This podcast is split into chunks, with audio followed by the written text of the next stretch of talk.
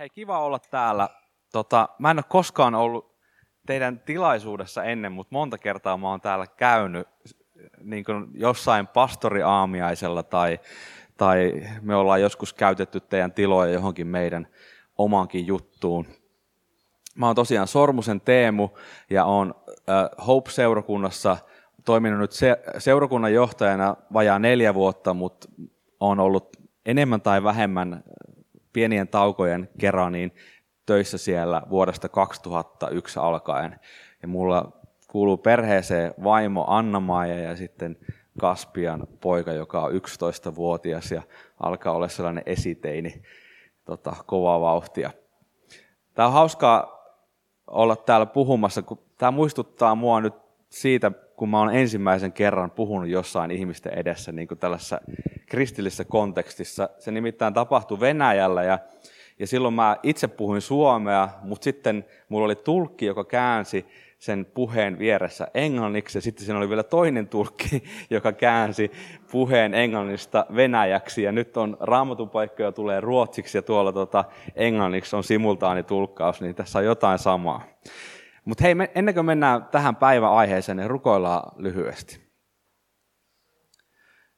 Jeesus, me kiitetään sun kauniista, voimallisesta, ihmeellisestä nimestä, joka on nimi yli kaikkien nimien. Me kiitetään siitä, miten sä oot Jumala, joka jatkuvasti teet työtä meissä, sä teet työtä luomakunnassa, sä käännät ihmisten sydämiä sun puoleen. Ja me pyydän sitä, että tänään kun me pysähdytään kuulemaan sun sanaas, niin tee työtä meissä pyhähenkesi kautta. Vaikuta meidän sydämissä muutosta niin, että me voitaisiin enemmän tulla siksi, jotka, jotka sä oot meidät luonut ja jo, millaiseksi sä haluat meitä muuttaa enemmän sun kaltaiseksi. Amen. Tänään me pysähdytään seuraavan kysymyksen äärelle. Teillä on alkanut sarja uh, Jesus is my life. Ja tämä kysymys, mä sanon nyt sen englanniksi, koska teillä on sarjankin nimi englanniksi. Että Can it be seen from me that Jesus is my life? Että voiko minusta nähdä, että Jeesus on mun elämäni?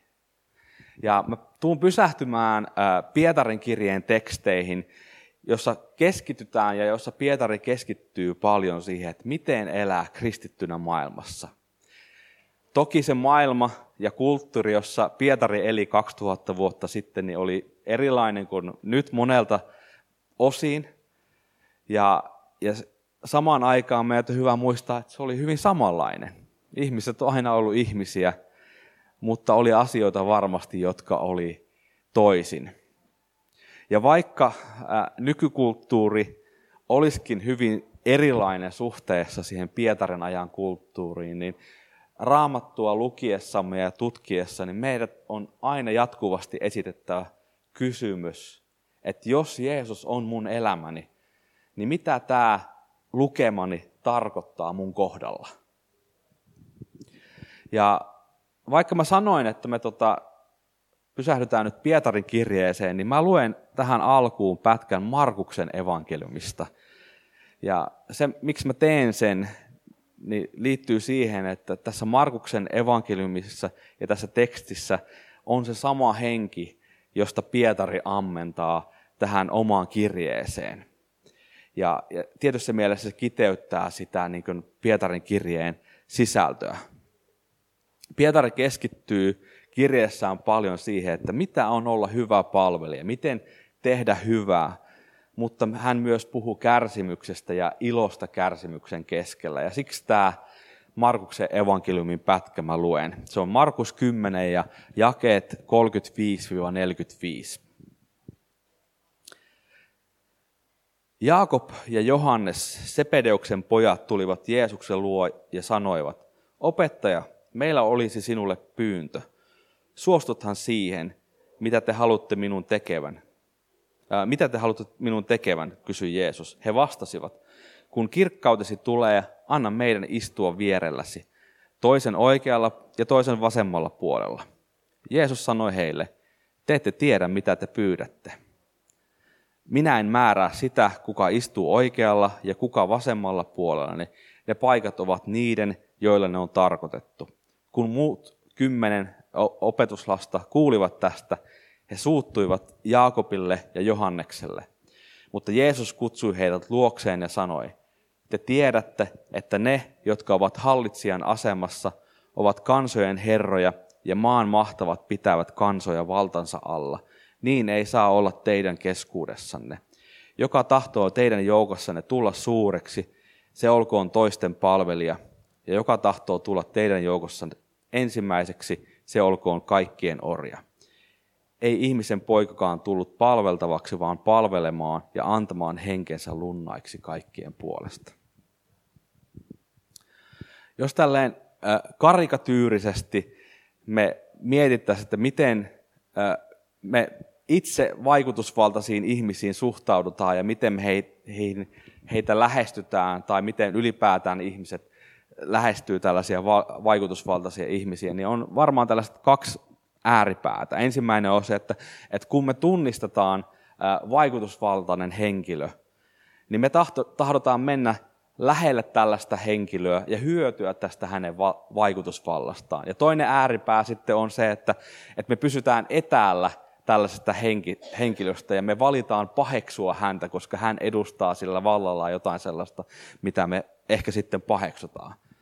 Ja nämä ääripäät suhtautumisessa vaikutusvaltaan on, me, me, me niin laitetaan itsemme aina vähän niin näiden väliin janalla, että miten me suhtaudutaan ihmisiin ylipäätään. Ei pelkästään vaikutusvaltaisiin ihmisiin, vaan jos me ollaan rehellisiä itsellemme, niin enemmän tai vähemmän me liikutaan tällaisten ääripäiden välillä jokaisessa kohtaamissa, mikä meillä on ihmisten kanssa. Ja Jaakob ja Johannes oli tunnistanut tämän Jeesuksen vaikutusvallan ja aseman.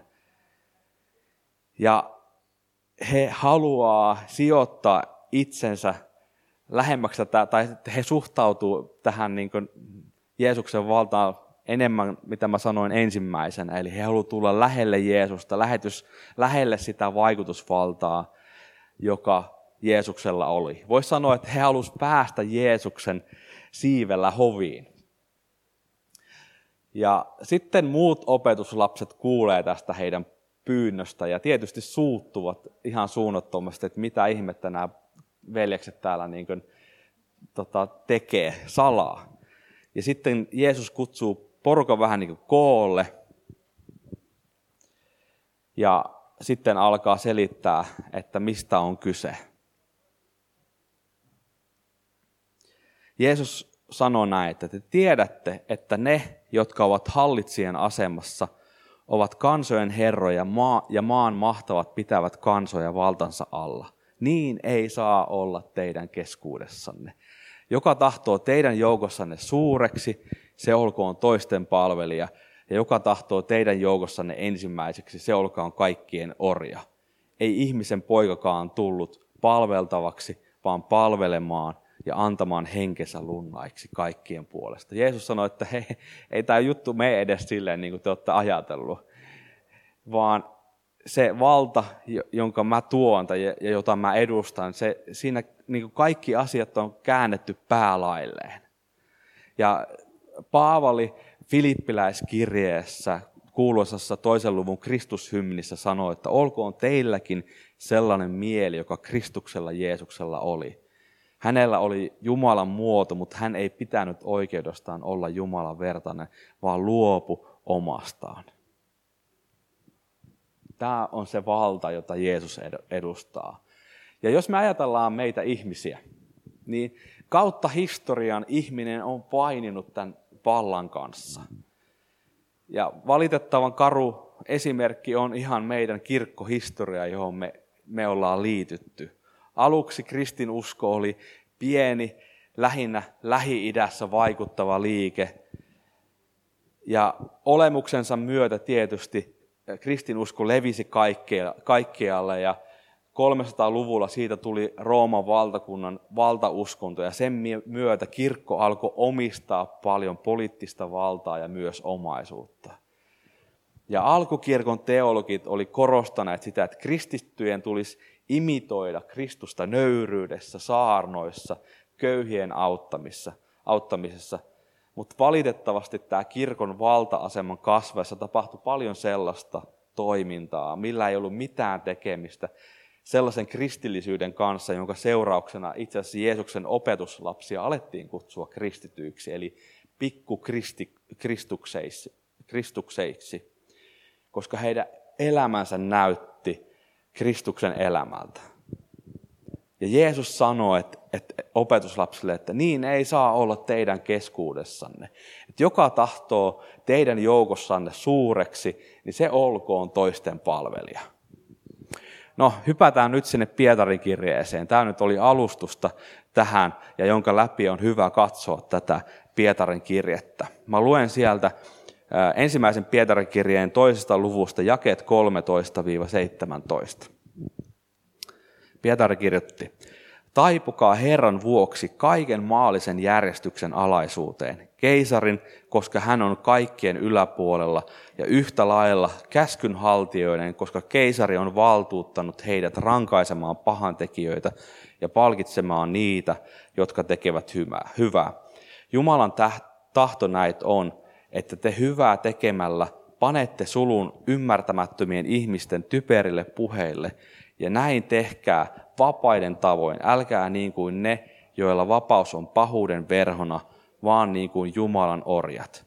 Osoittakaa kaikille arvonantoa, rakastakaa uskonveliä, pelätkää Jumalaa, kunnioittakaa keisaria.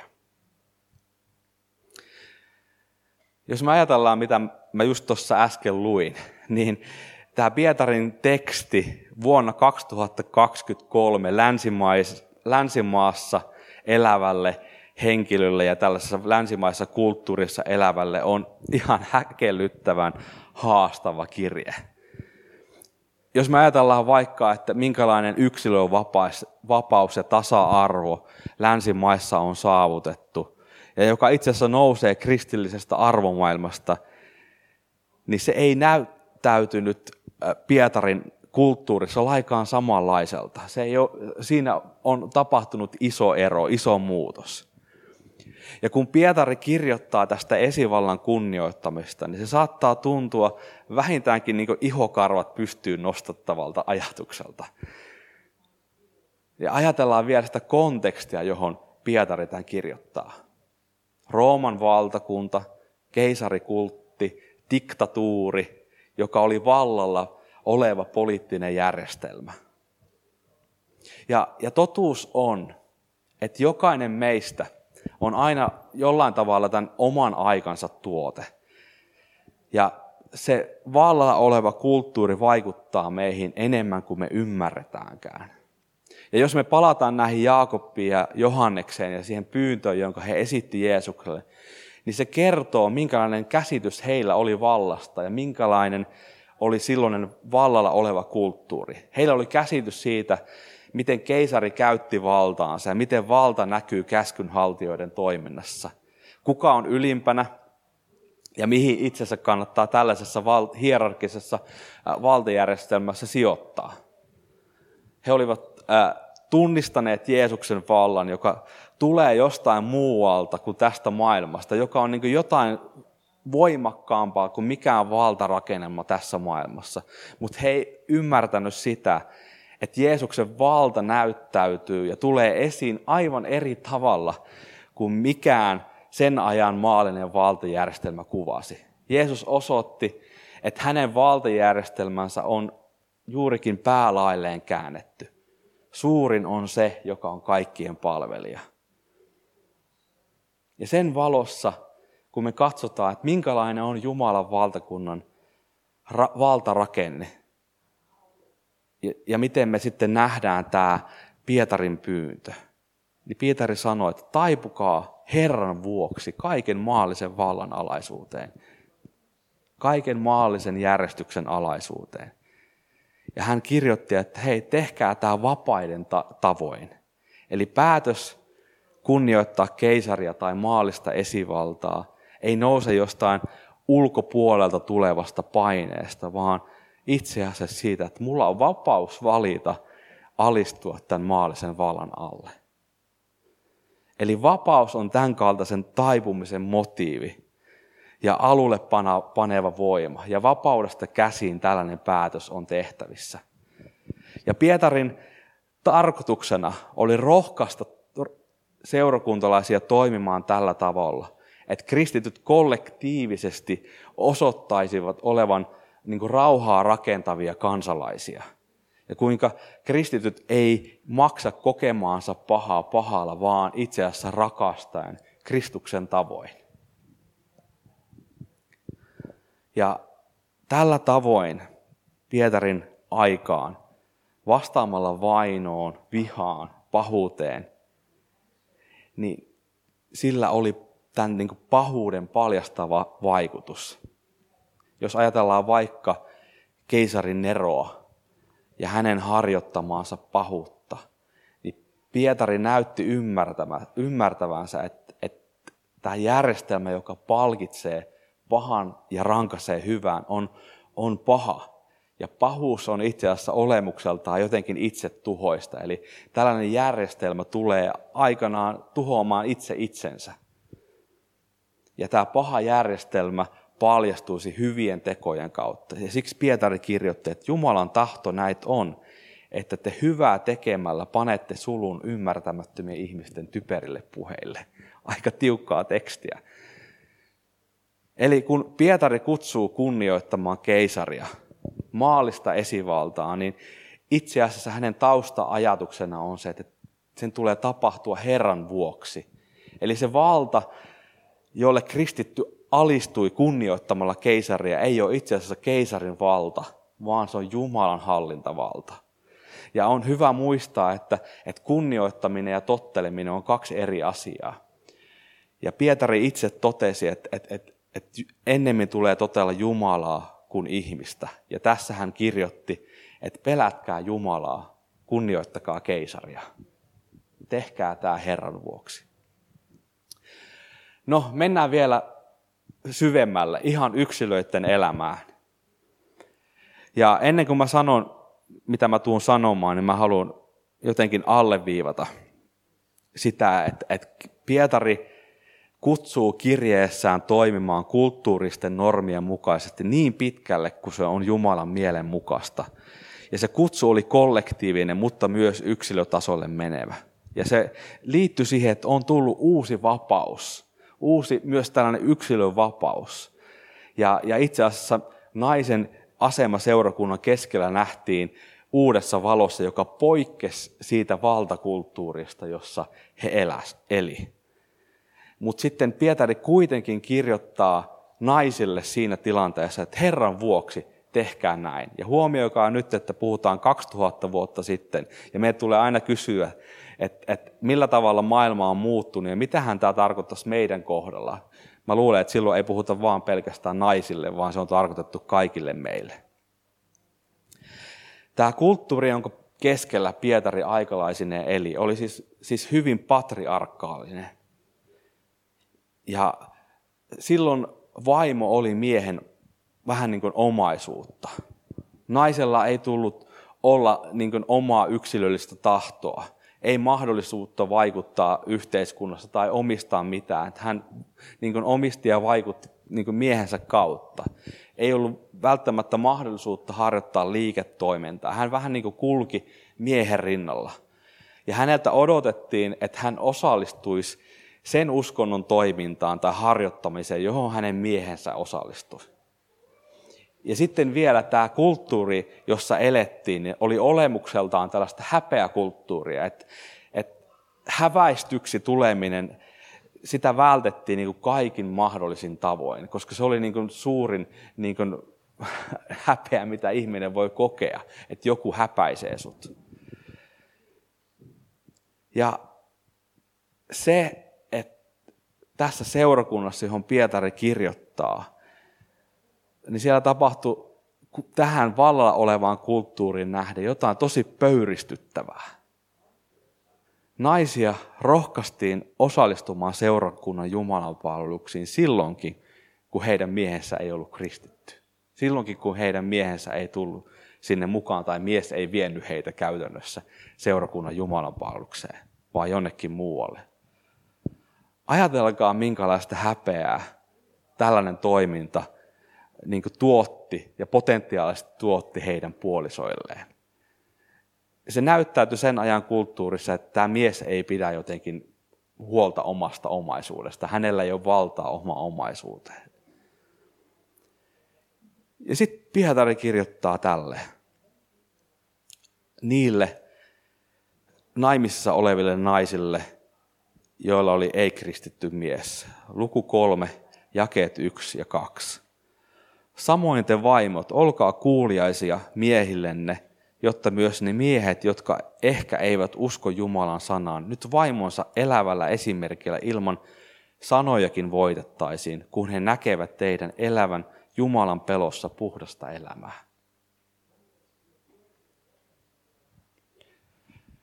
Ja se, mitä Pietari tällä näin kirjoittamalla sanoo ja ajaa, on se, että hei, juurikin Herran vuoksi, evankeliumin vuoksi, on äärimmäisen tärkeää toimia näiden kulttuuristen normien mukaan niin pitkälle, kun se on Kristuksen lain puitteissa mahdollista.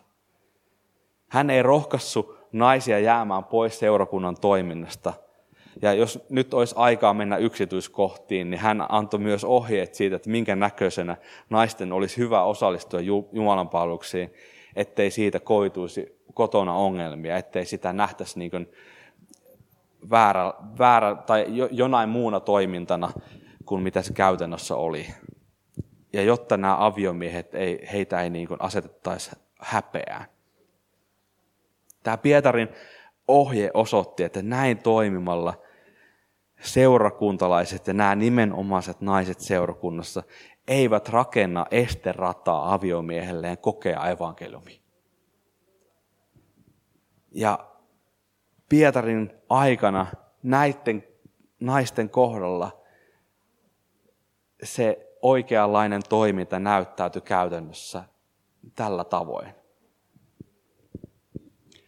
Ja siis on aivan mahtavaa, että nykyajan länsimaisessa yhteiskunnassa ja, ja miehen ja naisen välissä avioliitossa se nähdään, se nähdään pääsääntöisesti tasa-arvoisena. Ja siksi mä sanon vielä välttääkseni väärin ymmärryksiä. Et meidät ei tule ottaa tätä Pietarin ohjetta nyt noille naisille kirjaimellisesti tähän päivään liittyen. Että hei, että nyt ruvetaan elää kaikki niin kuin silloin 2000 vuotta sitten Pietari kulttuurissa elettiin. Vaan nähdä se henki, jolla tämä Pietari antaa ohjeen, tämän ohjeen. Se on se Kristuksen henki, että joka tahtoo teidän joukossanne tulla suureksi, se olkoon toisten palvelija. Ja tämä on sitä kristityn näköistä elämää. Tämä on sitä elämää, jossa näkyy ne sanat, että Jesus is my life. Ja tämä on se salaisuus, miksi itse asiassa Kristuksen opetuksia edelleen pidetään radikaalina yli 2000 vuotta myöhemmin. Tämä kertoo jotain siitä taipuisuudesta, mihin, mitä, niin kuin, minkä usko pitää sisällään, jossa alamaisuus toisille ja toisten palveleminen on lähtökohtaisesti lähtökohtaisesti alamaisuutta Kristukselle ja se on Kristuksen palvelemista. Tällainen äh, gnostikko-filosofi äh, 100-200-luvulta Pardaisan totesi kristityistä tällä tavalla. Missä tahansa kristityt ovat, tai mistä ikinä he löytävät itsensä, paikallisilla lailla ei ole valtaa ahtaa heitä luopumaan Kristuksen laista. Eli jos me ajatellaan, että mitä, mikä on Kristuksen laki, mihin se tiivistyy, niin sehän tiivistyy näihin sanoihin, että rakasta Herraa, sinun Jumalaasi koko sydämestäsi, sielustasi ja mielestäsi ja rakasta lähimmäistä niin kuin itseäsi. Ja sen takia me voidaan sanoa, että Kristuksen laki on jotain sellaista, mikä haastaa meidät kunnioittamaan yhteiskunnan lakeja niin pitkälle kuin se Kristuksen lain puitteissa on mahdollista. Ja kaikki se, mitä Pietari kirjoittaa, osoittaa, että Jumalan valtakunnassa muutosta ei tuoda väkivalloin, Hallintaa ei tuoda jotenkin ylhäältä päin. Muutosta ei tuoda toisten yläpuolelle asettuaan, vaan että et se mitä Pietari osoittaa, on se, että, että valmius yksilön muutokselle näiden naisten aviomiesten kohdalla, jos käytetään heitä esimerkkeinä, on olemassa silloin, kun hän kokee, että häntä rakastetaan, että häntä kunnioitetaan, että häntä palvellaan pyyteettömästi, että häntä ei nolata toisten silmissä. Tällä tavoin henkilölle tarjotaan mahdollisuus kokea evankeliumi sillä tavalla, kun Jeesus sen itse osoitti ja tarkoitti. No sä saatat kysyä, että miten ikinä kukaan pystyy elämään tällä tavalla, johon Pietari seurakuntalaiset haastoi. Ja vastaus on, että ei mitenkään. Ellei Kristus on vaikuttanut muutosta sinussa ja minussa. Se on mahdollista vain, jos Kristuksen elämä ja työ on tullut todellisuudeksi mussa. Ja itse asiassa Pietarin mukaan sitä tapahtuu. Jumala itse varustaa meidät toimimaan näin. Seuraavaa kahta raamatun paikkaa ei tule seinälle, mutta mä luen ensimmäinen Pietarin kirje luku 5 jakeen 10 ja 11. Siellä sanotaan näin, että kaiken armon Jumala on Kristuksessa Jeesuksessa kutsunut teidät iankaikkiseen kirkkauteensa. Vähän aikaa kärsittyänne hän itse varustaa, voimistaa ja vahvistaa ja lujittaa teidät. Hänen on valta iankaikkisesti. Aamen. Jumala itse varustaa, voimistaa, vahvistaa ja lujittaa meidät elämään tällä tavalla. Ja sitten myös se, että meillä on tällainen yhteys, seurakunta, joka on Jumalan valtakunnan yhteisö, rakastava yhteisö, joka, joka on kutsuttu myös vahvistamaan meitä elämään tällä tavoin, kun Pietari kutsuu elämään. Hän kirjoitti kolmannessa luvussa jakeessa kahdeksan ja yhdeksän näin. Ja lopuksi, olkaa kaikki yksimielisiä, jakakaa toistenne ilot ja surut, rakastakaa toisianne ja olkaa hyvä sydämisiä ja nöyriä. Älkää vastatko pahaan pahalla, älkääkä herjaukseen herjauksella, vaan päinvastoin siunatkaa, Siihen teidät on kutsuttukin, jotta perisitte siunauksen. Elämällä tällä tavalla keskinäisessä yhteydessä ja myös tämän yhteyden ulkopuolella, niin meidät on kutsuttu siihen. Ja kun me eletään näin, Pietarin mukaan, niin me myös peritään siunaus. Me peritään se, mitä Jumala tahtoo tehdä meissä. Eli me eletään kristittyinä Kristuksessa, harjoittaen todellista yhteyttä hänessä ja elämällä hänen elämäänsä, Kristuksen näköistä elämää maailmassa ja maailmaa varten. Ja käytännössä se näyttää elämältä, jossa jaetaan ilot ja surut, jossa rakkaus toisia kohtaan näkyy ja tuntuu. Ja se johtaa meidät toimintaan, jossa me osoitetaan toisillemme olevamme äh, niin kuin hyvä sydämisiä ja nöyriä, Kristuksen näköisiä, pikkukristuksia.